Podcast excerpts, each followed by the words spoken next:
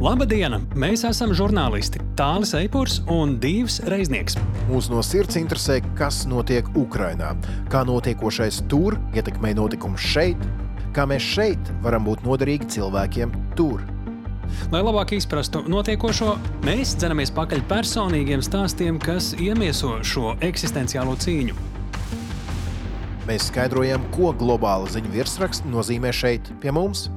Jo Ukraina cīnās ne tikai par savu brīvību. Ukraina šobrīd ir arī mūsu drošinātājs. Esiet sveicināti, raidieraksts drošinātājs, klausītāji. Es sveicināts arī tāltu 42. epizode šajā reizē. Un, diemžēl mums jāsāk ar uh, nepatīkamām, traģiskām vēstījumiem, par kurām ziņoja Latvijas televīzija, ka Ukrainā gājis bojā brīvprātīgais karotājs no Latvijas.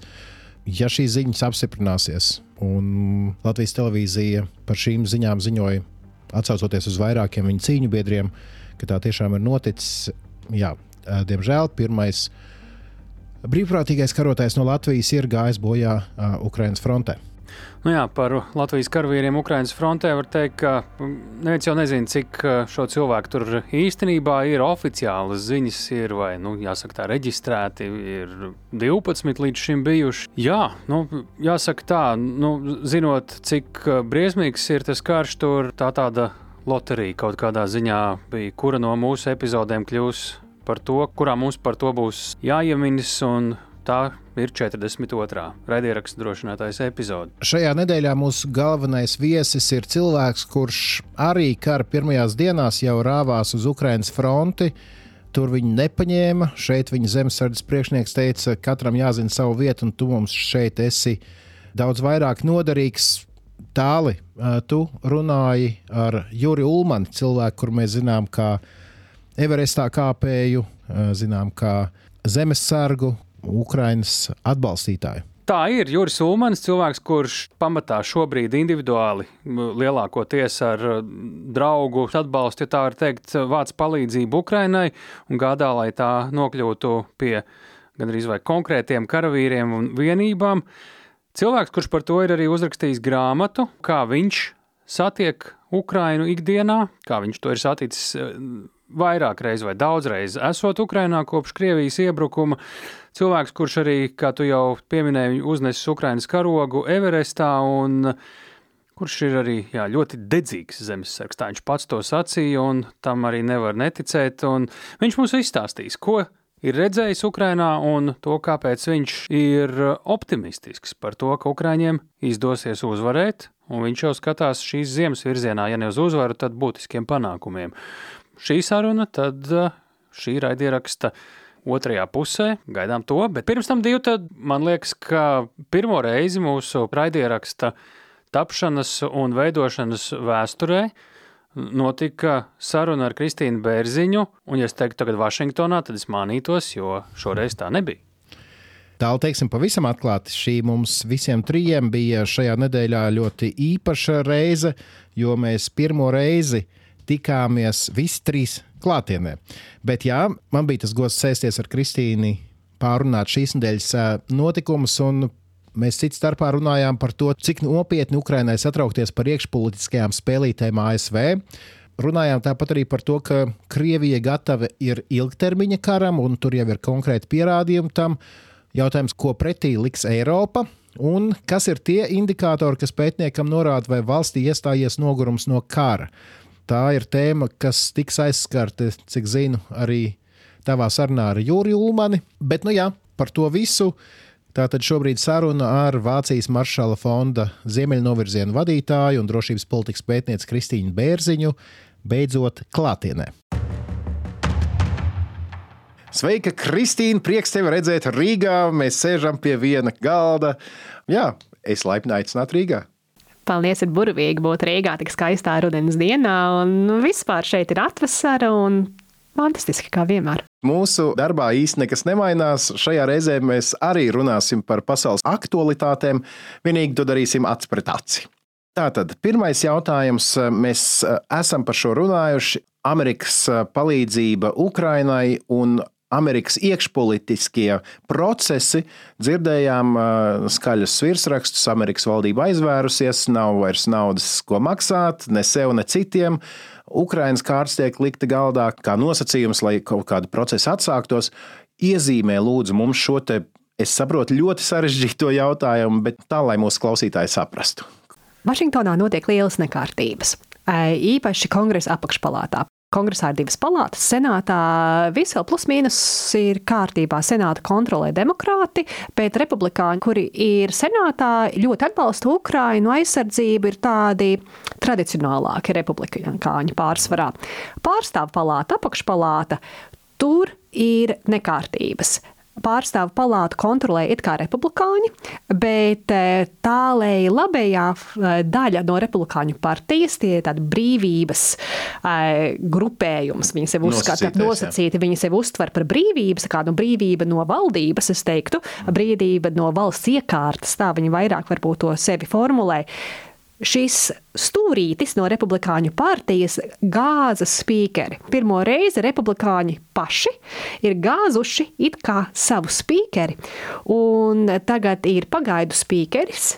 Bet e, būs vēl tikai labākā gadījumā nākamnedēļ. Varbūt balsojumi par tādu, kuram arī ir lielāks atbalsts, nevis tāds de facto, bet, bet arī politiski ar varu spīkers. Mēs iepriekš esam runājuši par to, ka ir šie galēji labējie republikāņi, kuri ir pret līdzekļu izšķiešanu, teiksim, tā viņu izpratnē ārpus Amerikas robežām, Ukraina kā šis te bubulis, bet tu man pirms tam esi mierinājis, ka šie politiķi ir izņēmums un tā ir minoritāte. Tagad mēs redzam, ka procesi ir pamainījušies. Ja?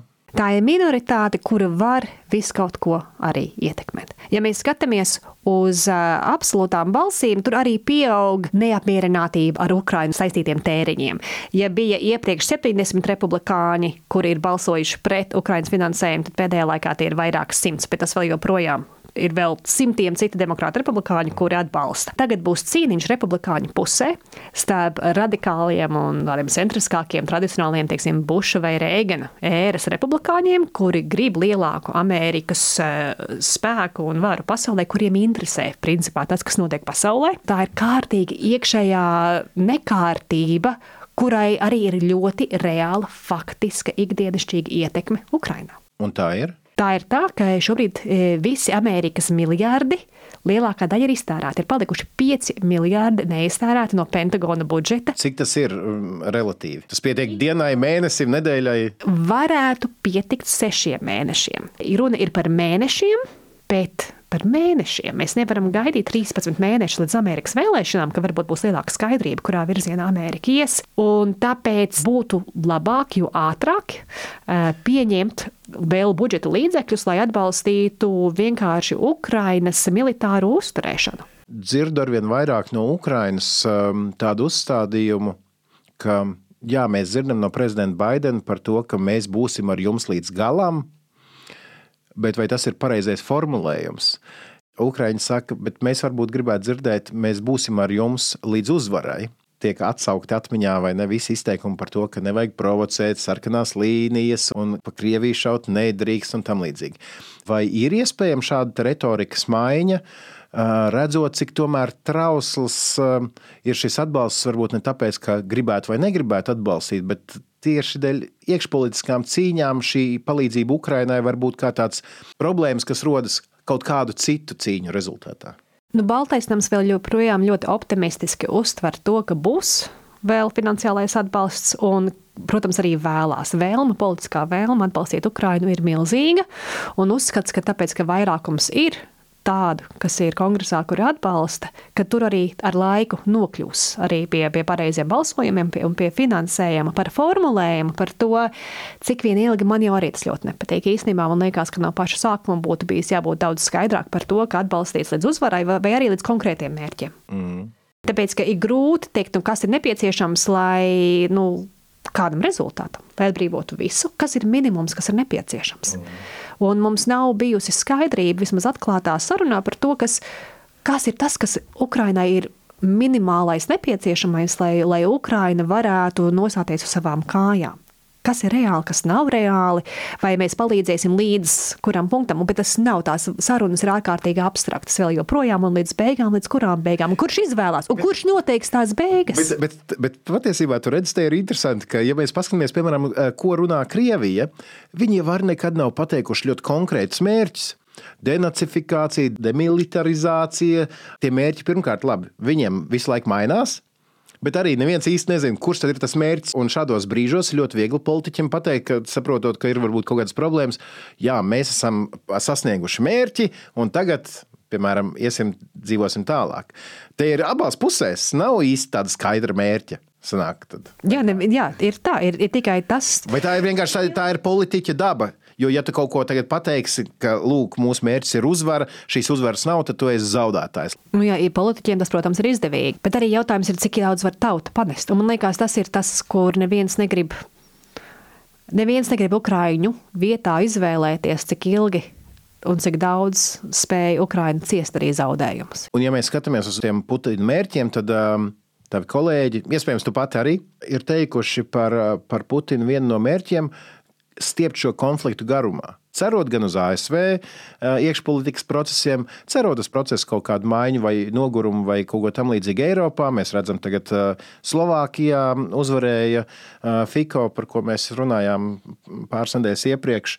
Tātad politiķis, kurš nu, retorikā visai atbalsta Krieviju. Nu, tad vai mēs redzam, ka Putina plāns realizējas? Viņam arī gribās stiept gumiju garumā, bet cik ilgi viņš to gumiju var stiept? Un tas varbūt nav īsti zināms fakts. Tāpēc, ka mēs runājam par to, kas ir morāla zaudējums, cik, cik mēs daudz varam panest to mūsu pusē, tie paši jautājumi arī attiecās uz otru pusi.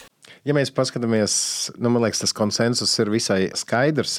Jautājums, protams, var diskutēt par to, cik tas atbilst realitātei vai nē, bet par to cilvēka dzīvības vērtību abās pusēs šķiet tā pieeja ir nedaudz citādāka. Nu, Krievijai ir vairāk cilvēku un kāda vērtība ir zemāka. Kā tur ir tas teiciens vēl piedzemdēs, vai ne? Eh, bet mēs ļoti līgani esam aizgājuši pie nākamās tēmas. Mēs tik padziļināti izskatījām pirmo, man bija bailes, ka mums trim tēmām šoreiz laika nepietiks.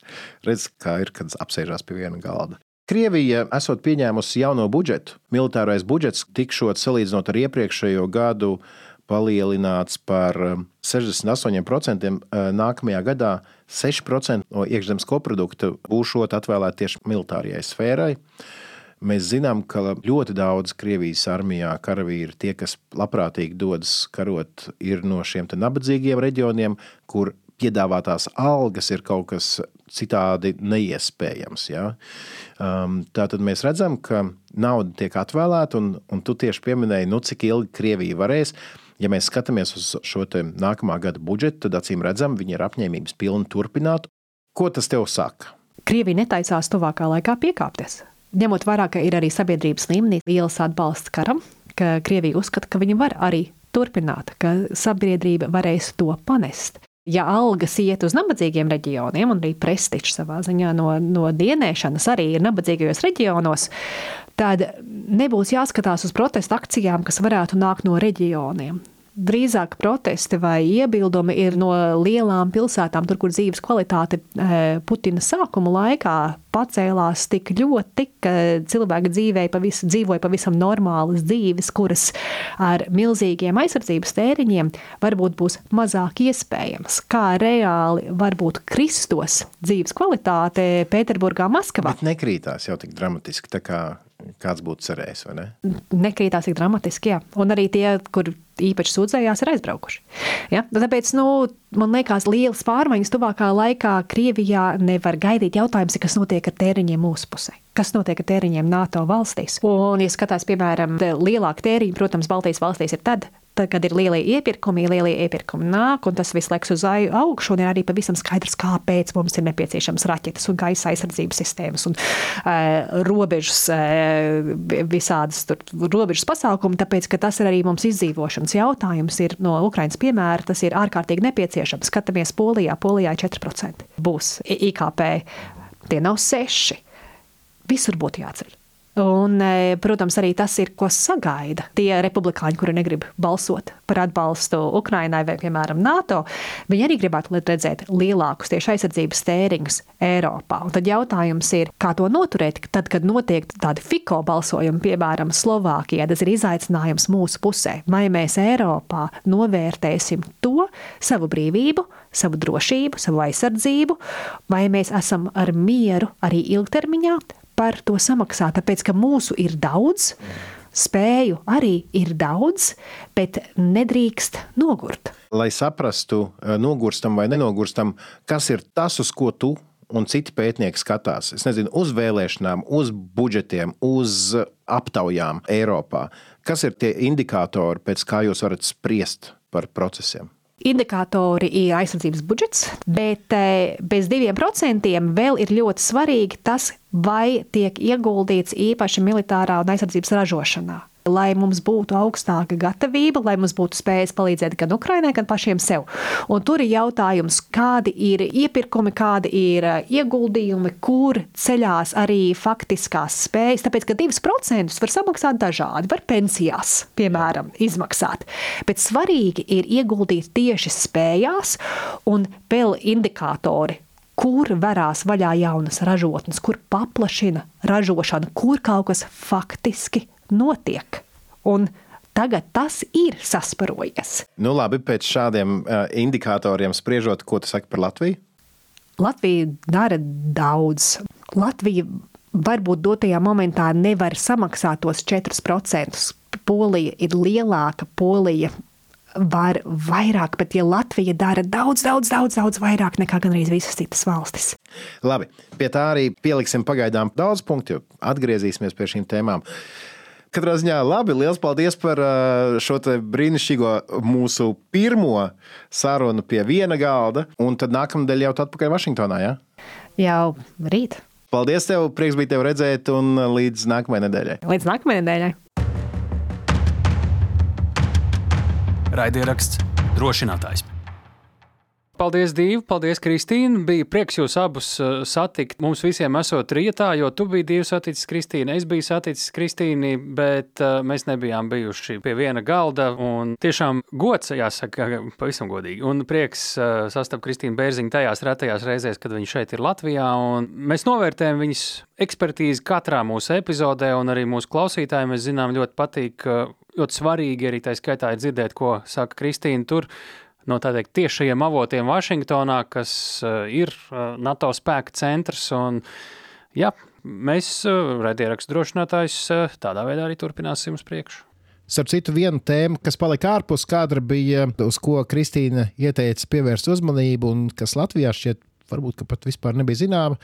Izrādās, Krievijas, Eiropas un ASV diplomāti sēdās pie viena sarunu galda, uh, Pavisam neilgi pirms tam, kad Azerbaidžāna, izmantojot savu militāro pārspēku, diennakts laikā atrisināja Kalnu Karabahas jautājumu. Izrādās, ka šie diplomāti var sēsties pie viena galda.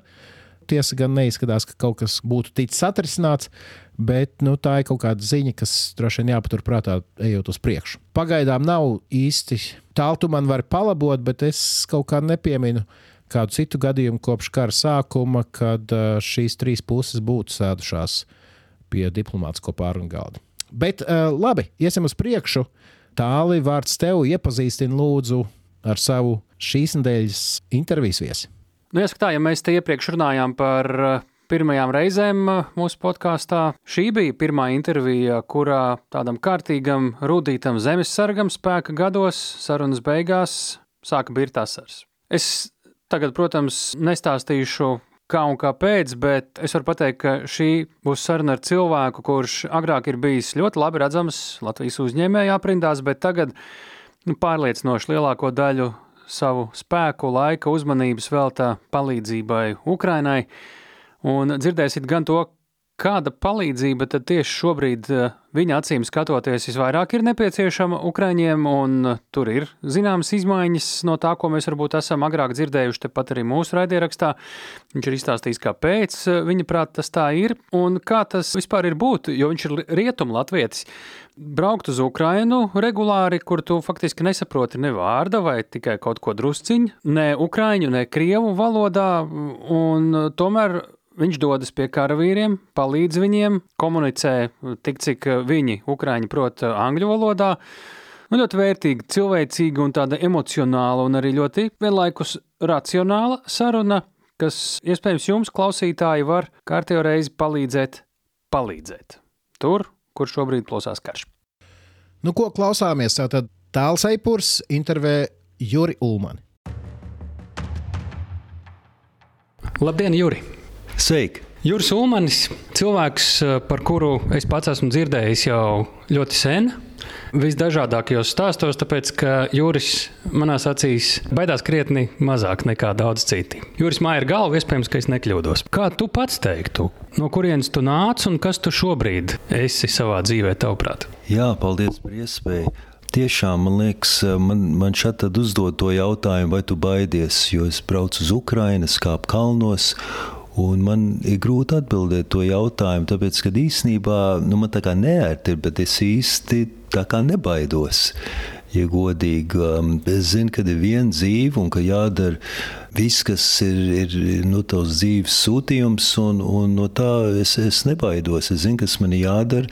Un, ja jautā, kas ir jūras ulmans, jeb kas es esmu, es patreiz esmu cilvēks, kas mēģinās darīt visu, visu, lai Ukraina uzvar šo karu. Es darīšu visu, un es visu laiku sev jautāju, piemēram, šorīt arī jautāju, ko es varu vairāk izdarīt, lai palīdzētu Ukrainai uzvarēt karu. Tāpēc, kad ja mēs nepalīdzēsim Ukrainai, tad tie briesmīgie, viss tas ļaunums nāks uz šejienu. Tagad mums ir vienīgā lielā iespēja apstādināt šo ļaunumu kas ir Ukrajinā. Tā kā mums ir jādara viss, viss, lai palīdzētu Ukraiņiem. Kas ir Juris Ulmans ārpus Ukraiņas lietas? ārpus. Bet īstenībā Juris Ulmans ārpus Ukraiņas uh, nav pārāk daudz palicis. Vai arī kas bija līdz sākās tas iebrukums? Pirms kara Juris Ulmans bija pasniedzējs. Es strādāju ar, ar jaunatni. Es centos ar savu pieredzi dalīties. Es mācu vairākās universitātēs, gan Latvijā, gan ārzemēs. Un, uh, caur šitām pieredzēm un stāstiem es mēģinu kaut kā palīdzēt, iedvesmot studentus, darīt, kas viņam jādara, lai viņi nebaidās, lai viņi drošāk, lai viņi stāvas ar savu mugurkaulu, lai viņi neklausās, ka viņiem saka, ne, to nevar. Mans tā kā nu, profesionālais darbs būtu pasniedzējis. Un tad es, protams, mēģinu kāpt kalnos. Es esmu, kā es saku, amatieru alpīnists, un man patīk daba un, un kalni, un es saņēmu lielu prieku un gandarījumu par to kāpt kalnos. Un, un Juris Ulmans ir ļoti entuziastisks, dedzīgs zemesargs. Tāpēc, ka, man liekas, zemesardze ir vissvarīgākā, viskaistākā lieta, kas šeit ir Latvijas, īpaši Latvijas vīriešiem, jo mūsu Latvijas vīriešu uzdevums ir sargāt savu sētu, savu zemi un savu ģimeni. Un tāpēc man liekas, katram vīrietim ir jābūt zemesardzē. Vienā vai otrā formā. Kāda ir tava versija tavai attiecību vēsturei ar Ukrajinu? Man tā vēsture ir diezgan sen, tāpēc, ka es dzimu sauc Amerikā, tieši Ņujorkā, Bronxā. Un Bronxā bija ļoti daudz tautības, daudz reliģijas. Tur bija žīdi, tur bija melnie, tur bija itāļi, tur bija grieķi un arī bija ukrāņi. Un kaut kā arī sanāca, ka man tie labākie draugi bieži vien bija ukrāņi. Mēs tā labi viens ar otru sapratāmies. Nu, kad tu esi bērns, tu jau nerunā par to, ka tava valsts ir okupēta vai kā. Bet kaut kas tur bija, ka es vislabāk ar viņiem draudzējos. Un arī, kad es biju skautos, latviešu skautos, mums bija vairākas reizes nometnes kopā ar ukrāņiem. Ar ukrāņiem man jau sen tā vēsture ir. Tad, kad karš sākās, neaizmirsīsim, ka karš sākās 2014. gadā. Mans draugs Ats Klamovičs man aicināja braukt līdzi, vest humāno palīdzību atraitnēm un bērniem, kam tēvi gāja bojā Donbassā, un mēs vairākas reizes braucām. Es braucu kopā ar Atlimoviču, sākot no 2015. gada. Tā kā es esmu bijis nu, daudz Ukrainā un, un pazīstu daudz cilvēku, jo nu, man ļoti labi draugi ir Ukrainā. Tā Ņujorkas epizode īpašu krāsu piešķir Bet tāda superaktīvā fāze. Jā, superaktīvā fāze tagad sākās. Jā. Tad, kad karš sākās, es tūlīt pieteicos ārzemju leģionā. Es izpildīju anketu un zvanīju uz Ukraiņas vēstniecību. Divas reizes pieteicos. Tā doma tev tajā brīdī bija mērķis karot. Jā, Jā, jā man, man tā doma bija, nu, tā, kad karš sākās, tad Ukrāņi mobilizējās, un, un es arī domāju, nu, man arī tur jāiesaistās. Es dzirdēju par to Ukrāņas ārzemju leģionu un um, skatījos internetā. Un redzēju, ka ir tāda lieta, nu, izpildīju anketu un zvanīju uz, kā es teicu, uz vēstniecību. Tur tāds bija garš stāsts, ir, man pat bija intervija vēstniecībā, bet viņi man atraidīja. Viņi teica, ka man nav kaujas pieredze, es neesmu bijis nevienā misijā. Zemesardze? Viņi neuzskatīja, ka zemesardze ir pietiekoši pieredze. Okay. Ja es būtu varbūt bijis kādā misijā, tad tas būtu bijis ok. Bet es viņiem teicu, ka es varu strādāt jebkurā jomā, bet viņi man teica, nē. Nu, es tā kā pie sevis domāju, labi, es esmu izdarījis savu sirdsapziņu tīru, bet tad es skatījos raidījumu par Ukrajinu, un tur uzstājās mans draugs Gunārs Kalve. Viņš bija tikko no fronts atbraucis atpakaļ uz Latviju, un viņš sāk runāt, ko viņš tur ir piedzīvojis. Un tad atkal man uznāca tā kā spuldzīt galvā, ka varbūt, ja Gunārs tur ir, es varētu mēģināt atkal nokļūt. Man kaut kā bija tāda vainas sajūta, ka, ja Gunārs uzstājās, ka tas tomēr man ir signāls, ka man ir atkal jāmēģina nokļūt karā Ukrajinā. Un Gunārs teica, ka viņš braukšot pēc dažām dienām atpakaļ uz Ukrajinu. Es piezvanīju Gunāram, es jautāju Gunāram, vai es to varētu braukt līdzi. Es arī gribu šaut uz krieviem. Un viņš teica, jā. Un tad dažu dienu laikā man tā kā viss dzīve mainījās. Bija jāsakārto visādas lietas, jo es jau nezināju, uz kurienes braucu, kas tur būs, kas notiksies, un jāsakārto burtiski dažās dienās savu dzīvi. Un tad mēs braucām uz Ukrajinu kopā vēl ar pāris latviešiem. Un tomēr tu nekaro. Toreiz, kad es aizbraucu ar Gunāru, man kļuva pilnīgi skaidrs, ka, kad man pievienotā, es neprotu ukrāņu valodu, es neprotu krievu valodu, es karotu starp ukrāņiem. Tas ir ļoti bīstami, teiksim, ja viens tur neprot valodu, teiksim, es tur tā kā liekas būt. Nu, tur taču ir notiek. spāņi un kas tik vēl, ne? Tas nu, ir tajā ārzem leģionā. Tagad, man liekas, tur viss kaut kas ir. Tagad ir savādāk, bet šis bija pašā sākumā, kur bija, bija tāds hauss. Un tas bija viens iemesls, neprotu valodu. Otrs bija, kad um, es sapratu, ka ir ļoti daudz vajadzības karavīriem.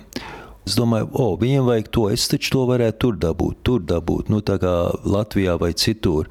Un tad es sāku domāt, ka man pievienotā vērtība varētu būt, ka es varētu sagādāt karavīriem to, kas viņiem ir vajadzīgs. Un vēl viena lieta, es varētu, teiksim, stāstīt par to, rakstīt par to, kas notiek Ukrainā.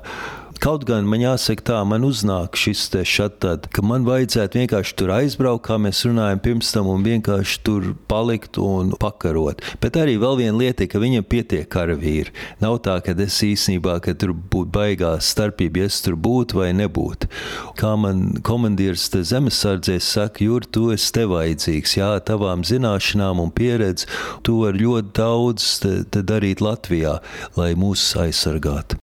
Tā ir tā lieta, par ko es ik pa laikam aizdomājos, runājot ar sevi un ar citiem, kā mēs katrs palīdzam, un drusku varbūt arī vainojam sevi, ka mēs nepalīdzam vairāk, un tad brīnamies, ka tiem taču jāiet karot, un viņi neiet, vai arī ko viņš tur skrien karot. Tā ir tāda pamatīga saruna, kā mēs katrs iesaistāmies tajā visā. Varbūt tie ir tie 5 eiro nedēļā vai mēnesī.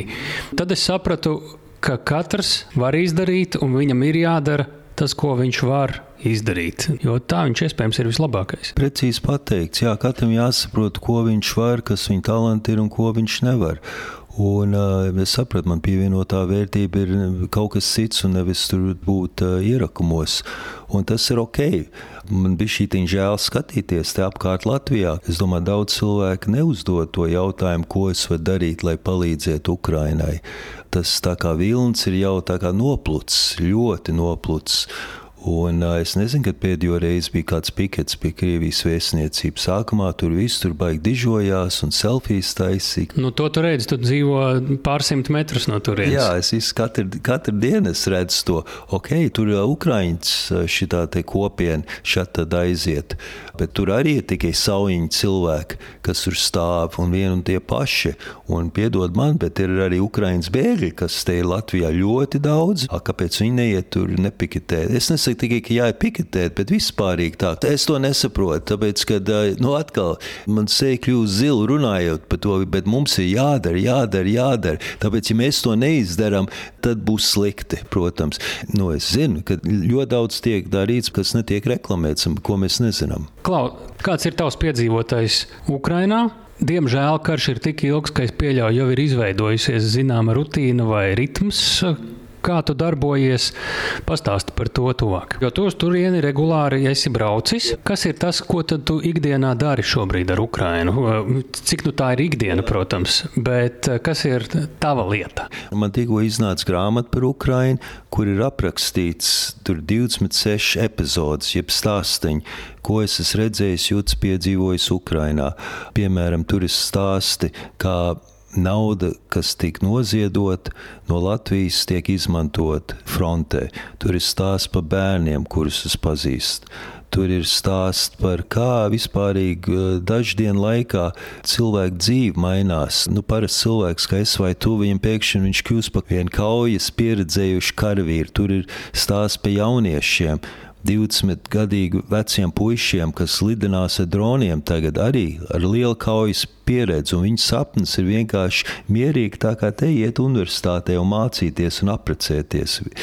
Šīs sarunas beigās es tev lūkšu vienu nodaļu nolasīt. Okay. Bet uh, man kā žurnālistam man neradās atbild uz jautājumu, ko tu tur tagad dari tajā Ukrajinā, tad, kad tu esi? Kāpēc tu tur brauc, kāpēc tu tur esi tik bieži un ko tu tur dari? Es cenšos vākt ziedojumus, lai iepirktu dronus, tēmekļus, džipus.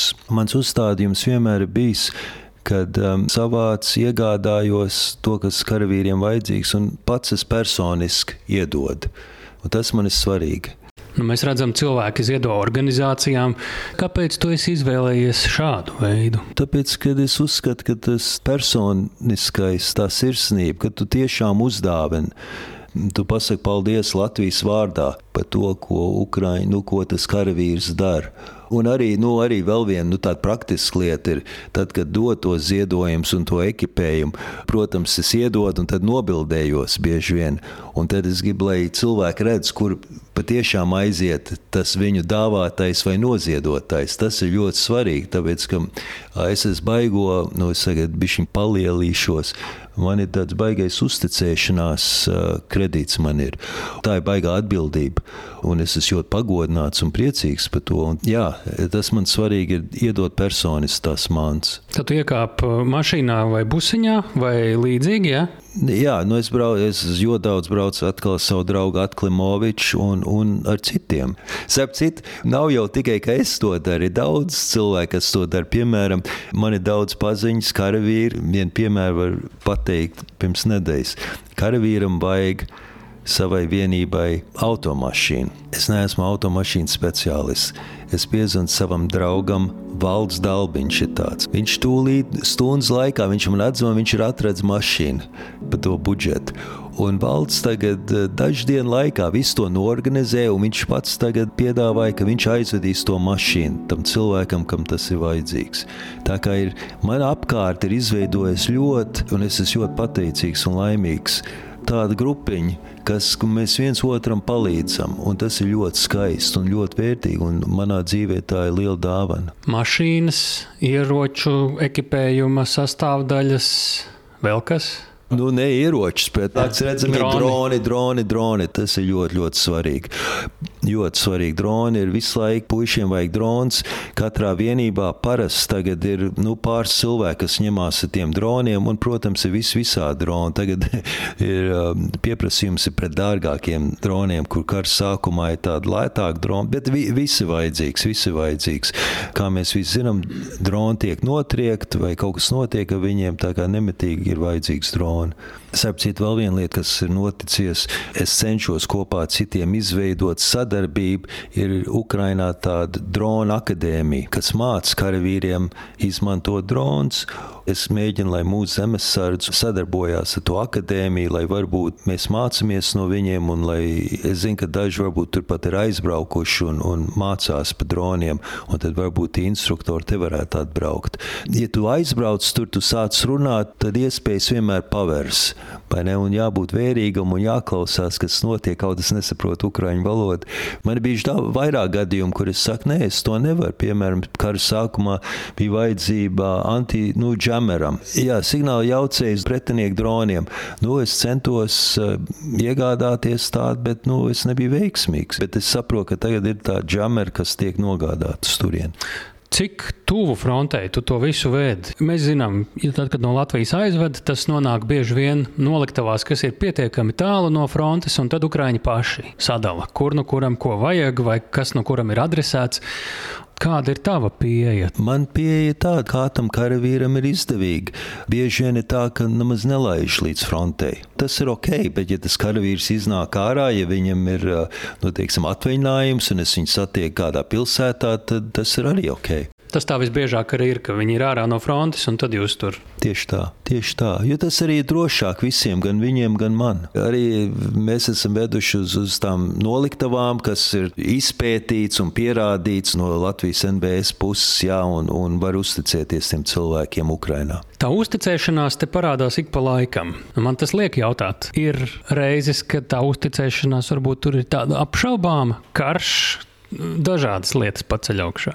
Mēs par korupciju arī esam daudz runājuši mūsu podkāstā, jo Gribu vai negribu, tas ir nepatīkami, bet tas ir svarīgi. Jā, es personīgi neesmu saskāries ar to, bet es arī dzirdēju stāstu. No īpaši, ka tur no tām mašīnām tas ir publiski, vai ne? Ka ved tur mašīnas, tad varbūt neaiziet tiem, kam tas ir vajadzīgs. Bet es par to nedomāju. Jā, es, tā, tāpēc es nedarīšu kaut ko, tāpēc, ka ir kaut kāda korupcija. Es tik un tā darīšu. Jā, nu, droši vien ir korupcija, bet tas man neapstādinās. Tāpēc, ka tur ir tik daudz labs un mēs vērtīgi lielu darbu darām cēlu darbu mēs darām palīdzot Ukrainai. Jā, un nu, ir latvieši, kā tu teici, kur ir tajās pirmajās līnijās, vai ļoti tuvu tam. Tu arī pieminēji Gunāru Kalvi. Mēs arī zinām, ka turpat apkārt labu laiku ir Jurija Juraša vārds apkārt grozījies ar palīdzības vešanu. Nu, Kalvis kungs, Juraša kungs, nu, Latvijā viņiem ir dažāda slava. Gan politisku iemeslu dēļ, gan, gan citādi, un tā ir mainījusies arī. Kā tu šos cilvēkus zini, jo vārdi un zināmi cilvēki ir tie, kuri aiz sevis eh, pēc tam ved pārējos. Es domāju, jebkurš, kas tur ir Ukrajinā un kaut ko dara, tas ir ļoti, ļoti labi un svarīgi. Tas ir vienkārši fantastiski un cepurnos visiem, kas tur ir. Gan Jurim Jurošam, gan Gundaram Kalvam. Es pazīstu Gundaru, un es tikai varu teikt to labāko. Viņš bija mans komandieris tur kādu laiku, un es no viņa ļoti daudz iemācījos.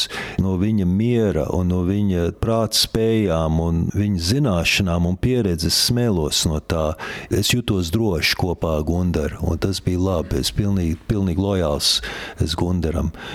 Pārējiem, no es, es nepazīstu tik labi. Gunārs Kalvi jāatgādina klausītājiem, ir tas eh, cilvēks, kurš īpaši zināms Latvijā kļuva ar, kā tu jūri savā grāmatā raksti, melnā bruņinieka iegāšana Daugavā, tas lielgabals, kas stāvēt Jēkabpilī. Tad viņš pat eh, dabūja virsū sev likumsargus Latvijas, bet tad laiki mainījās. Vēl viena lieta, ko es gribēju tev pajautāt, tu jau to dažās epizodēs pieminēji. Latvijā mēs zinām no rietumu latviešiem, īpaši tādiem, nu, kas vairs nav tie paši jaunākie, nu, to zīmogu noņemt nu, nevar. Esat un paliekat rietumu latvieši. Citiem vārdiem, tu nāc no rietumiem. Ko par tevi zina un saka, saprot?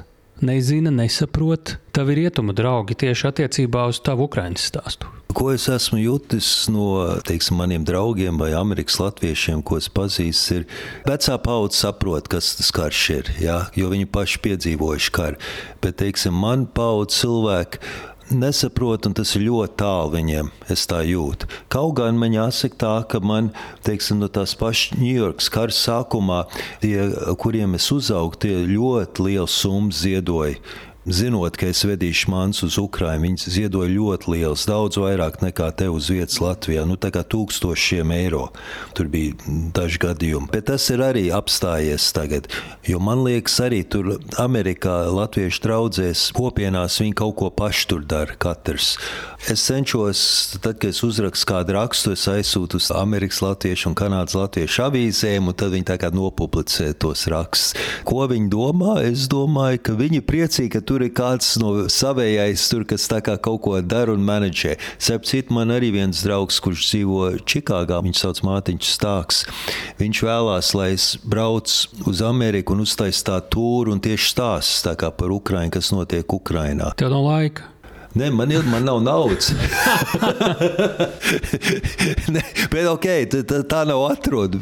Bet laiku un naudu vienmēr atrast. Bet Mārtiņa, mēs ar Mārtiņu strādājam, lai kaut kā to veicināt. Bet es nezinu, vai tā, ne, nu, man liekas, ka tā būtu laba lieta. Tad varētu daudz naudas savākt, lai pirktu dronus Ukrainai. Tas ir pa latviešiem un nelatvieši? Man nelatviešu draugi. Nu, īsti es, es nezinu, ko viņi domā. Viņi neko nav, man nav atsauksmes no viņiem. Nē, nu viņi tā kā kaut ko uzrakst, jā, apsveic, uh, good job. kaut kā tā. Bet nav tā, ka baigi tur atbalsts. Es pat nesagaidu, es saprotu. Jūras Ulmans nav pasaules centrs, vai ne? Par to valodu. Radierakstu drošinātājs veidotājiem ir tā, ka mēs runājam latviešu valodā, krievu valodā, runājam angļu valodā, un mēs saprotam to ukraiņu valodu arī, jo mēs zinām krievu valodu. Tev ir pavisam citādi. To, ko mēs pieredzam Ukrajinā, ka viņi krieviski runāt vairs negrib, bet angliski vēl neprot. Kā tu tiec galā tur? Nu, ar angļu valodu. Nu, tā daudz maz. Un, teiksim, ja es esmu kopā ar to pašu nu, Atklimoviču vai kādu citu, tad tie tā kā tulko. Es saprotu, ka viņiem galvas sāp visu laiku tulkot, jo ir kaut kāda saruna, un tad es saku, nu, ko viņš teica, ko viņš teica. Tad viņi tur, nu, tad es saprotu, ka tas ir nepatīkami viņiem visu laiku. Viņiem piecreiz vairāk jādomā un jātulko. Jā. Nu, es esmu iemācījies, es esmu strādājis starptautiskā vidē ļoti daudz gadus, un kaut kā tiek galā. Ja grib komunicēt, tad komunicē. Un, protams, caur sociāliem tīkliem ir visi šie tulkotāji, un viss tā kā tā nav problēma. Bet es neteikšu, nav problēma. Būtu labi, ja saprastu vairāk, jo tad es arī varu redzēt iespējas, ko es varētu palīdzēt vairāk. Bet nu, kaut kā ir ok, ir ok. Jo man liekas, arī mana pievienotā vērtība tieši ir, ka es protu angļu valodu. Man ir prasīts nevalstiskās organizācijas, kas palīdz Ukram vai Jūri, vai tu nevari tur palīdzēt ar amerikāņu partneriem, tur kaut ko sarunāt un tā. Man arī lūdz bija viena organizācija Ukrainā, kas jau sāk darboties, teiksim, ir ārzem firmas, kas grib palīdzēt, un viņi pat taisno prasa tur vietējai pašvaldībai, piemēram, kā viņi var palīdzēt tur to ēku atjaunot. Viņi lūdz, vai es nevaru tā kā tur dzīvot un palīdzēt tām firmām. Jo tu esi pārstāvējis Latvijā ārzemju lielus jā, zīmolus. Jā. Tev ar to nav problēmu tādā komunikatīvā un pieredzes un biznesa valodas līmenī. Nē, absolūti man nav. Nē, nē. Nē man, man patīk to darīt. Jā. jā. Es gribētu, lai man vairāk izmanto tādā ziņā, tā kā būtu kaut kādam vēstniekam, liaison officerim, kaut ko. Tas ir, ko es varu piedāvāt, tas, ko es protu un varu. Jā. Pirmais palīdzēšanas vilnis Ukrainai, tu jau teici, tas ir nolūzis šobrīd. Sākumā Latvijā tas bija milzīgs. Kas kopš kara sākuma, kā tu teiktu ar savu pieredzi, ir mainījies tajās Ukraiņu vajadzībās un mūsu izpratnē? Par tām? Manuprāt, vissvarīgākais ir palīdzēt karavīriem mazāk bēgļiem, tāpēc, ka, nu, piemēram, man vecāki bija bēgļi. Neviens nepalīdzēja viņiem, nu, es neteikšu, neviens, bet nebija tā, ka pārējie pāri robežai, tā kā Polijā, un pēkšņi atvērts rokas. Jā, ir pilnīgi savā. Ukrāņu bēgļi staigā apkārt pa visu Eiropu, un viņiem ir ok. Es nesaku, ka tas ir slikti. Jāpalīdz karavīriem, tāpēc, ja karavīriem nepalīdz, viņi ies bojā, tiem bēgļiem nebūs tēvi, nebūs vīri. Karavīri jau tie, kas tur karo lai atgūtu to brīvību. Kas ir mainījies? Sākumā varbūt um, arī pašā Ukraiņas tajā armijā bija grūti piegādāt tur, nezinu, uniformas, ieroči un tam līdzīgi. Tā kā man liekas, tagad ir daudz, daudz sakārtotāks. Ne man liekas, es zinu, ka tur ir sakārtots daudz maz viss tas. Pēdējo reizi, kad es biju Ukrainā pirms vairākiem mēnešiem, es jūtu, ka veikali ir pilni kad īstenībā viss, ko vajag, ir paņemt naudas maku un iet iepirkt. Arī karavīri uniformas, ūdeni, pampers, ziepes, ēdienu paika, visu var nopirkt. Tā kā nav tā, ka no šejienes tagad ir jāved viss kaut kas. Varbūt tā ir tāda, nu es saprotu, ka cilvēki grib kaut ko darīt, kaut ko noziedot baznīcai, lai baznīca no, norganizē aizvest, bet tas īstenībā lielos vilcienos nav vajadzīgs. Bet tu ved, kas tad ir tas, kas šobrīd atšķirībā no sākuma vai tāpat kā sākumā joprojām ir vajadzīgs, vai vajadzīgs agrāk, varbūt to mazāk zināja, un šobrīd tas nu, ir aktuāli? Vajadzīgs ir, ir tēmekļi, droni, džipi cep citu ir grūtāk un grūtāk atrast džipus, un viņi kļūst dārgāk. Bet ir vajadzīgi droni un, un šitādas lietas, tādas augstākas tehnoloģija lietas. Tas ir visu laiku vajadzīgs, un to nevar nopirkt. Nu, var nopirkt arī Ukrainā, varbūt kaut ko, jo viņi jau arī attīst savu militāro industriju, un tur ir dronu fabriks un tam līdzīgi. Bet tas, nu, iedomājies, pusotru gadā, kā tu vari uzsākt vienu dronu fabriku, tas nav tik vienkārši. Nu, viens klausītājs tagad dronu pataisno neuztaisīs, nezina, kur nopirkt.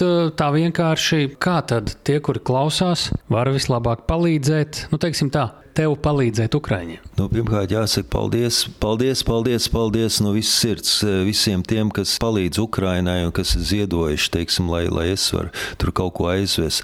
Patreiz ir tā, ir tāda nevalstiskā organizācija biedrība tev, ar kuru es sadarbojos, un viņiem var um, noziedot naudu ar norādi mieru baložu. Tas ir tā kā tieši tiem droniem.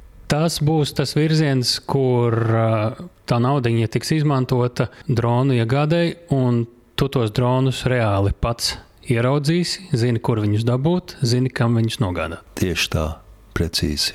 Izstāsti par dronu Ko viņš izdara? Kāpēc tas ir tik izšķiroši? Es pieļauju, ka tu zini vienkārši labāk. Tur nav nekas, ko zināt labāk. Droniem ir vairākas funkcijas. Ir tie dārgie droni, ļoti, ļoti augsts tehnoloģijas droni, tie saucamie kamikazi droni, kas tur var iet un iznīcināt, tie lieli droni.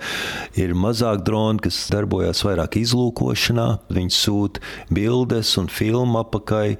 Štābam var redzēt, kur ienaidnieks, kur viņa pozīcija pozīcijas ir, ir tā drona, kad atrod pozīciju, tā drona, kas tur var pielikt klāt granātu un uzmest virsū to granātu tankam. Un, protams, jo augstāks līmenis, jo dārgāks viņš ir. Un kurš tu gādā? Es gādāju tagad to zemāko līmeņu. Nu, es jau ne, negādāšu kaut kādas kamikazīņas, tāpēc, ka tā ir novērošanas pārsvarā. Jā, novērošanas pārsvarā. Ja tas ir visu laiku vajadzīgs. Viņas notriec un ja tam līdzīgi. Ukraiņi šai ziemai būs gatavāki nekā iepriekšējai? Nu, atkal es negribu tēlot kaut kādu militāro analītiķi, bet es jau apmēram pateiktu, ko, ko saka Ukraiņi, kā es to saprotu. Krievi mēģina vilkt laiku tagad. Jā, viņi tā kā cer, ka būs uh, briesmīga ziema, tagad arī būs lietu sezona, un viņi velk laiku. Tāpēc mēs dzirdam, ka Ukrāņiem ir ļoti grūti tikt uz priekšu, jo Krievi visu laiku neļauj viņiem, neļauj viņiem.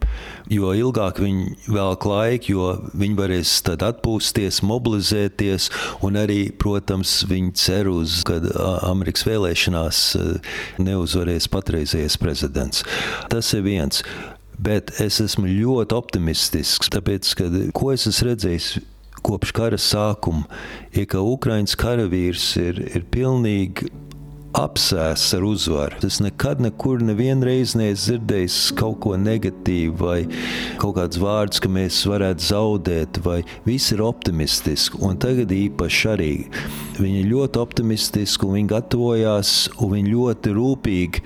Viņam nav viegli starp citu. Iedomājieties, tu mēģini iet uz priekšu bez gaisa aizsardzības. Viss ir samīnēts. Viņi tagad tiek līdz trešajai, krievu saucamajai trešai līnijai, un viņi dara visu, lai tiktu tam pāri, un viņi tiks tam pāri. Es esmu pilnīgi pārliecināts pirms ziemas. Es esmu ļoti optimistisks. Jo? Tagad, jo viņi zina, ja viņi netiks tagad pāri, tad būs vēl sliktāk pēc ziemas, tāpēc ka Krievi gatavojās nu, pavasarim, un tad būs pilnīgi atkal cita dinamika tam karam. Par ko tu sarunājies ar ja teikt, saviem ukrāņiem?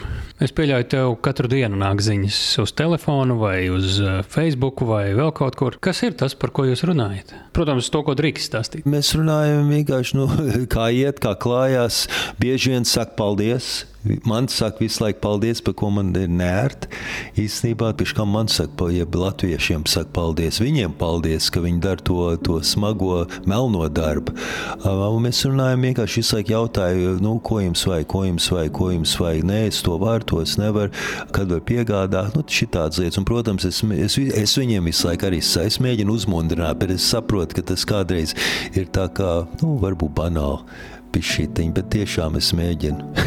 ka mēs esam, ka, mēs, ka jūs varat paļauties varbūt ne no visrietumiem, bet vismaz no Latvijas, ka latvieši palīdzēs. Nu, es esmu no Bronxas, jā, un es zinu, kā tas ir. Nu, piemēram, ja tu esi viens un tev kaut kāda puiša aplents, un tev gribēs kaut ko atņemt, apzakt vai piekaut vai ko. Un tu redz, ka cilvēki iet garām, nepievērš uzmanību, visi baidās. Man liekas, tāda līdzīga situācija kā Ukrainā. Diemžēl, kad viņi ir aplenkti, ja viņiem grib darīt pāri, viņi tur vienpaši stāv un negrib palīdzēt. Un pat policists iedos, es nezinu, noju, lai es varētu aizsargāties. Bet tas arī viss.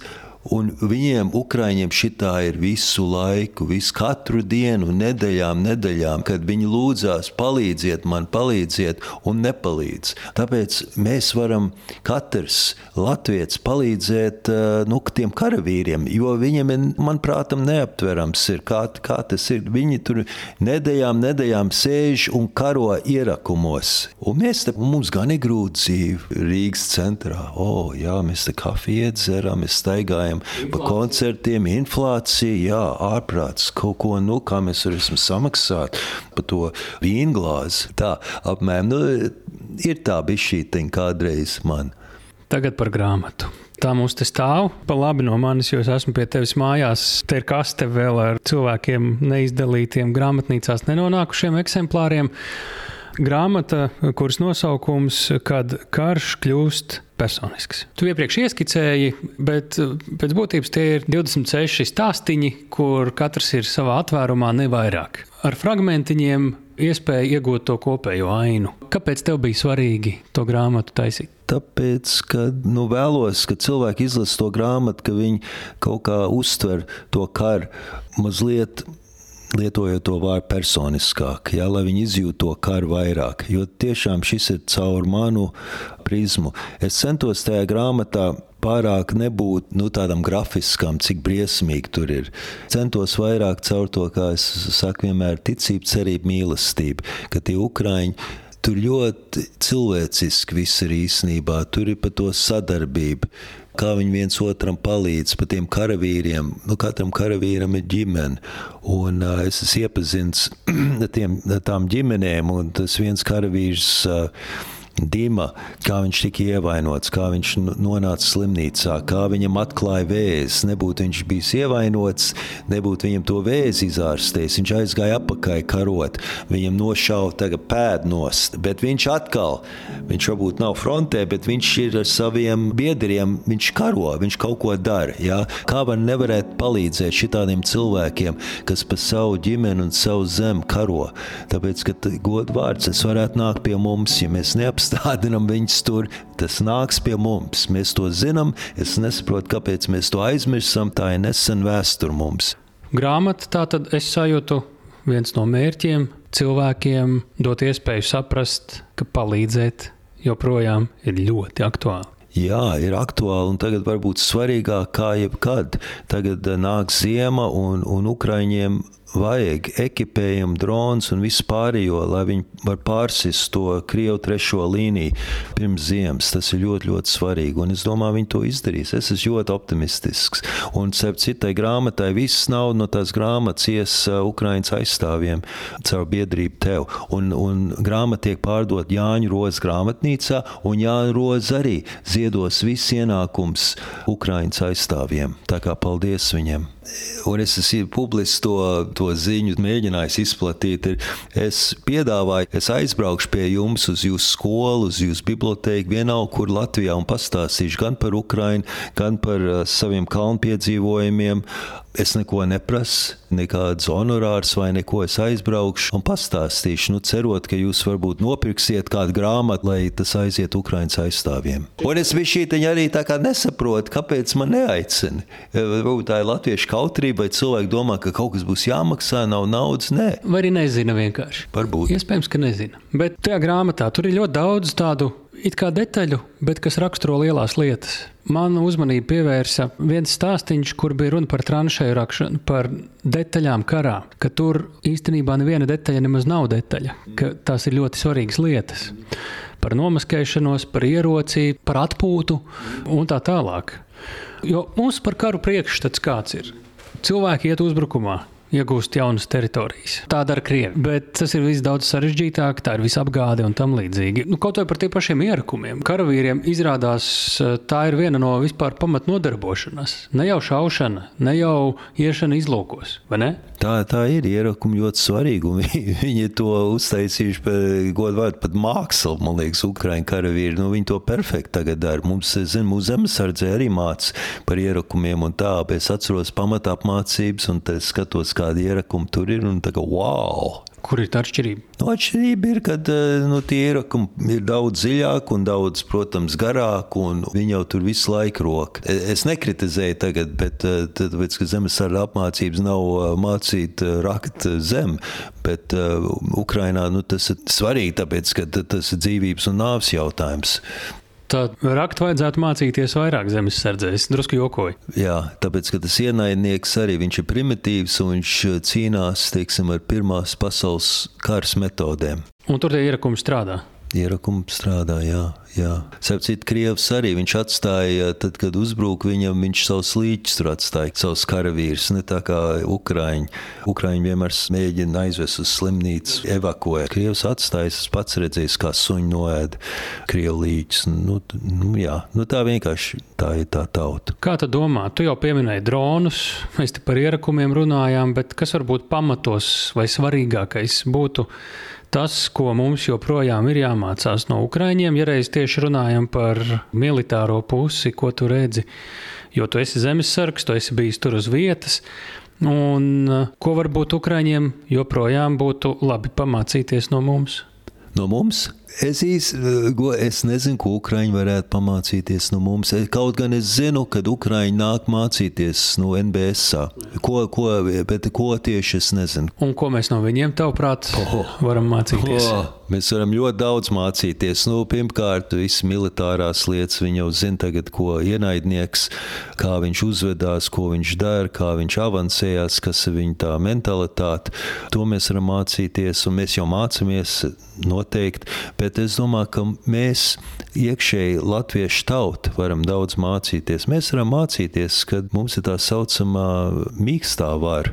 Piemēram, mums nevajag promotēt krievu kultūru. Kā mēs varam iznīcināt Krievu tauta ir mūsu psiholoģiski, mēs varam iznīcināt, jo viņiem jau tā psiholoģija ir, ka viņi ir lieli un vareni, bet viņi nav lieli un vareni. Un mēs varam pataisīt, ka viņiem ir nērti, ka viņiem ir kauns. Jo es neredzu nevienu krievu kopienu, kas tur baigi kaut ko darīt, lai atbalstītu Ukrainai. Varbūt viņas ir, bet es viņas nekad neesmu redzējis. Ja kaut kāds krievs tautību pārstāvs, kas ir stāvējis un teicis, jā, karš ir slikts. Tā kā mēs varam ar mūsu uzvedību, ar valodu nerunāt krieviski, nepromotēt uh, krievu kultūru.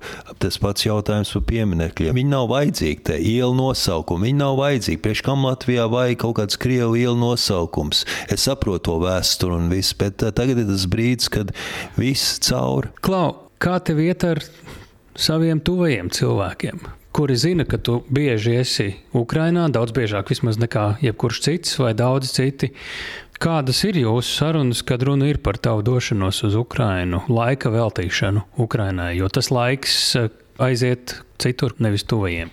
Viņi saprot, viņi saprot, un viņi saprot man to nodomu un mēģus, un man nav īpaši kaut kādas problēmas. Jā, tā kā viss, viss ir ok. Mēs zinām, piemēram, stāstus no 3D granātu astīšu un, un dažādu citu detaļu drukātājiem. Nu, tur daži ir tā metušies palīdzībā Ukrainai, ka jūka ārā draudzības, ģimenes, kas tik vēl ne. Tas ir stāsts, kas maina attiecības vai ietekmē attiecības ar, ar savu ikdienas vidi. Varbūt kaut kāds paziņloks vai draudzības um, ir attālinājušās vairāk. Bet uh, tas ir ok, tāpēc ka es zinu, kas man ir jādara. Un, un ja viņi to nesaprot, tad ko es varu darīt? Man tas ir jādara, un es to darīšu.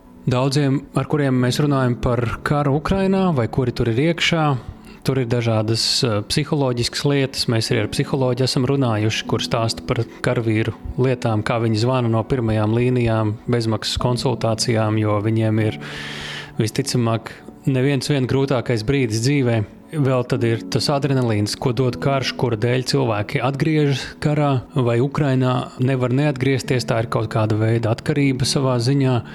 Kā tu tiec galā ar to šoku, ko tu redzi tur uz vietas? Tu jau pieminēji šos krievu karavīru līķus. Droši vien tu esi redzējis arī citas eh, nelāgas un ļoti baisas lietas. Kā tu ar to tiec galā? Es saprotu, tev aktuāla meditācija, līdzīgas lietas. Mm. Jā, meditācija noteikti viens veids, kā es tiek galā ar to. Es lūdzu Dievu tie tie veidi, kā es kā tiek galā. Man īpaši nav kaut kādas pārmetumi, vai es nezinu, traumas, vai es domāju, ka man nav.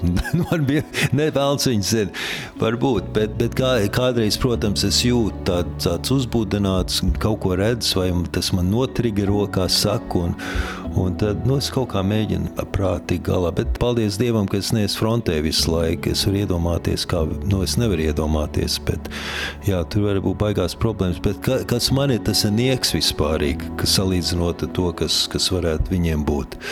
Sportoju, kāp kalnos, nu tā. Nu, kā kalnos es uznesu Ukraiņas karogu, tagad tur bija mēģis palīdzēt. Es uznesu pasaules augstākā kalnā Everestā 17. maijā Ukraiņas karogu. Tas bija mans mēģis, jo es domāju arī, ko es varētu tādu savādāk, tādu lielu izdarīt. Tāpēc, ka es zinu, ka Ukrainā alpīnists nevar nekur kāpt, jo viņi visi karo. Un sev citu viens mans draugs, kas gāja bojā, viņa segvārds bija alpīnists. Un vēl viens draugs, viņam vārds bija Kompas. Viņš arī kāpa kalnos, divi gāja bojā. Un es vēl to grāmatu gan viņiem, gan vēl trīs saviem draugiem. Un tāpēc arī es nosaucu grāmatu, kad karš kļūst personisks. Tā kā viņu dēļ es uznestu Ukraiņas karogu un vispārīgi visai Ukraiņas tautai, tāpēc, lai tas zilais, dzeltenais tur tā kā plīvo to stundu pasaules virsotnē, lai to izstaro tā labestība, tā brīvība, tā neatlaidība, tā spītība pa visu pasauli. Tas bija mans nodoms, mēģis. Cik draugu tev vairs nav Ukrāņu vidū? Um, nu, cik es zinu, pieci. Piec, jā. Tas karš, nu, tāpēc jāpalīdz, jo, nu, kad tu pazīsti ģimenes bērns, un lai tas nav pavelti, ja, ja te mēs runājam kaut kā, ka vajag kaut kāds mieru izlīgums un, un šitā, jā, protams, vajag mieru, bet tad Krieviem jāizvācās pilnīgi ārā no Ukrainas. Tur nav nekādas tur uh, tirgošanās par kaut ko, tāpēc pa daudz tagad, cik gājuši bojā Ukrainas karavīri, man liekas, tuvu 100 tūkstoši, 20 tūkstoši civiliedzīvotāji gājuši bojā, kaut kāds 600 bērni, bērni.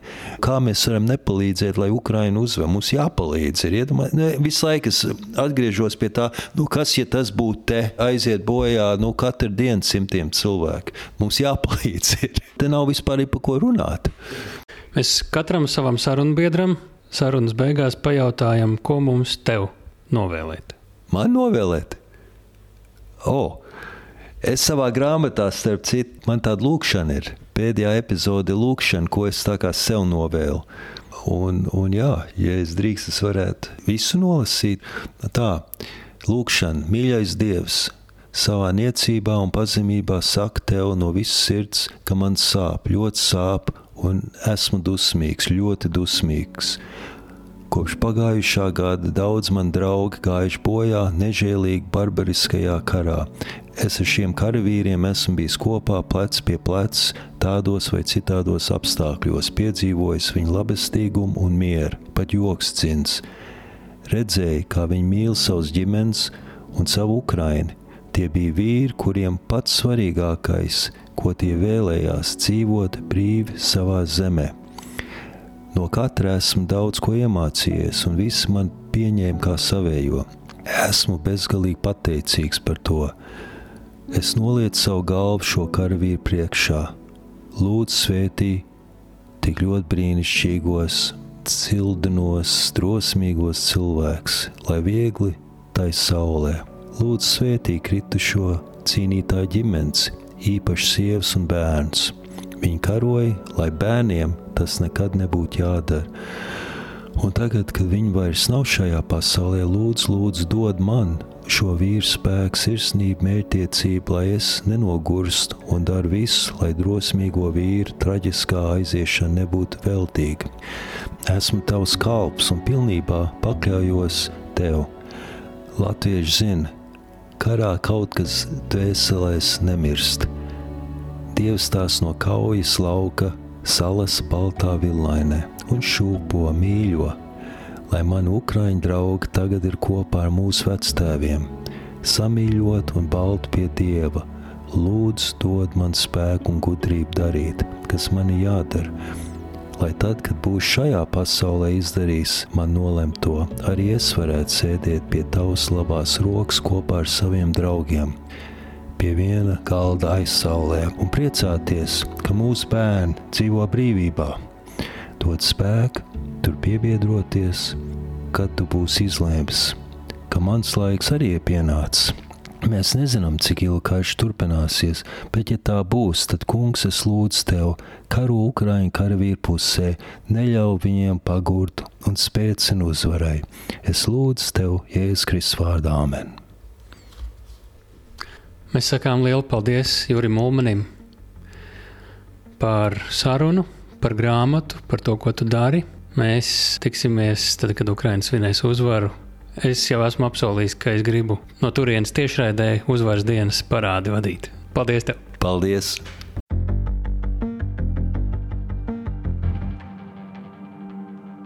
Paldies uh, tev, Tālī! Paldies Jurim par uh, atklāto uh, sarunu. Daudz vielas pārdomām. Starp citu, tālāk, man šķiet, nu, jau ir kādi vairāk raidījumi pēc kārtas, kad tiek pieminēta palīdzības sniegšanas deksmes samazināšanās sabiedrībā. Gan e, Eiropā, gan Latvijā. Es nezinu, varbūt mums ir laiks uzrunāt arī kādus cilvēkus, kuriem šī deksme nav zudusi, un parunāt ar uzņēmēju mieram vai ko tamlīdzīgu. Tālāk. Protams, ka tu zini, ka, tu zini, ka es esmu šajā virzienā jau uh, ievadījis sarunu uh, vēl pirms mikrofona ieslēgšanas, un mēs uh, esam sazinājušies ar organizāciju uzņēmēju mieram. Tas, ko viņi dara, piemēram, ir viņi palīdz Ukrainas iedzīvotāju mājokļu atjaunošanā. Tā ir viena no lietām, bet mēs noskaidrosim arī, kas vēl ir teikt, viņu lieta, kas viņiem dod spēku neapstāties un turpināt, un ar šo organizāciju mēs iepazīstināsim es domāju, ka vienā no nākamajām epizodēm. Jā, tas nākotnē, bet šobrīd, eh, ja jums šķita interesanti, svarīga vai būtiska tāļa saruna ar Jūri, padalieties ar to, sūtiet šo interviju e, e-pastos, WhatsAppos eh, un tā tālāk un tā joprojām. Eh, ja jums savukārt ir kādi viesi mums iesakāmi, ar kuriem būtu vērts parunāt, rakstiet mums, ar mums var sazināties. E-pasta adrese drošinātājs Latvijas Rādio LV. Tāpat arī LSMLV portālā varēsiet lasīt šo interviju. Noteikti, ka tēls būs arī sarūpējis kādus vizuālos papildu materiālus, varēsiet redzēt Jūri viņa darbos Ukrajinā un Everest virsotnē. Bet šai reizei tas arī viss. Es vēl vēlējos piebilst, meklējiet rokā Jūra Umaņa grāmatu par karu Ukrajinā. Nu, es teiktu, tā ir tāda maza grāmatiņa. Ja jūs gribat uh, ieķeksēt, ka jūs esat izlasījis grāmatu par Ukrajinu, tiešām arī vērtīgi pavadot laiku, tur ilgi nav jālasa, bet te pašā laikā. Es teiktu, tā, tās ir tā tādas uh, vārdos aprakstītas fotogrāfijas, tādi mirkļi, un tu kā, tagad to saliec kopā, tu dabū tādu daudzpusīgu ainiņu par to, kas notiek Ukrajinā, un varbūt mazāk tādā faktu ziņā, bet tādā izpratnes un varbūt arī emocionālā ziņā. Un liels paldies Jurim Mulmanim par šo darbu, un es pavisam noteikti iesaku to meklēt rokā, jo, kā jau Juris teica, es varu tikai vēlreiz atkārtot, pilnīgi visi naudiņi, ko jūs par to grāmatu samaksāsiet, aizies palīdzībai Ukrainai. Tieši tā, karš nav beidzies, uzvara vēl nav izcīnīta, un kamēr tā nav izcīnīta, tikmēr mums ir um, jādara, ko varam, lai tā vai citādi atbalstītu Ukrāņus. Tas šai reizē arī viss. Paldies, ka klausījāties. Sadzirdamies pēc nedēļas, un lai jums laba šī nedēļa tev arī tālu. Jā, un gan tu divi, gan klausītāji. Es arī atceros, ka drošinātājs tas ir skaidri un personīgi par kāru Ukrajinā.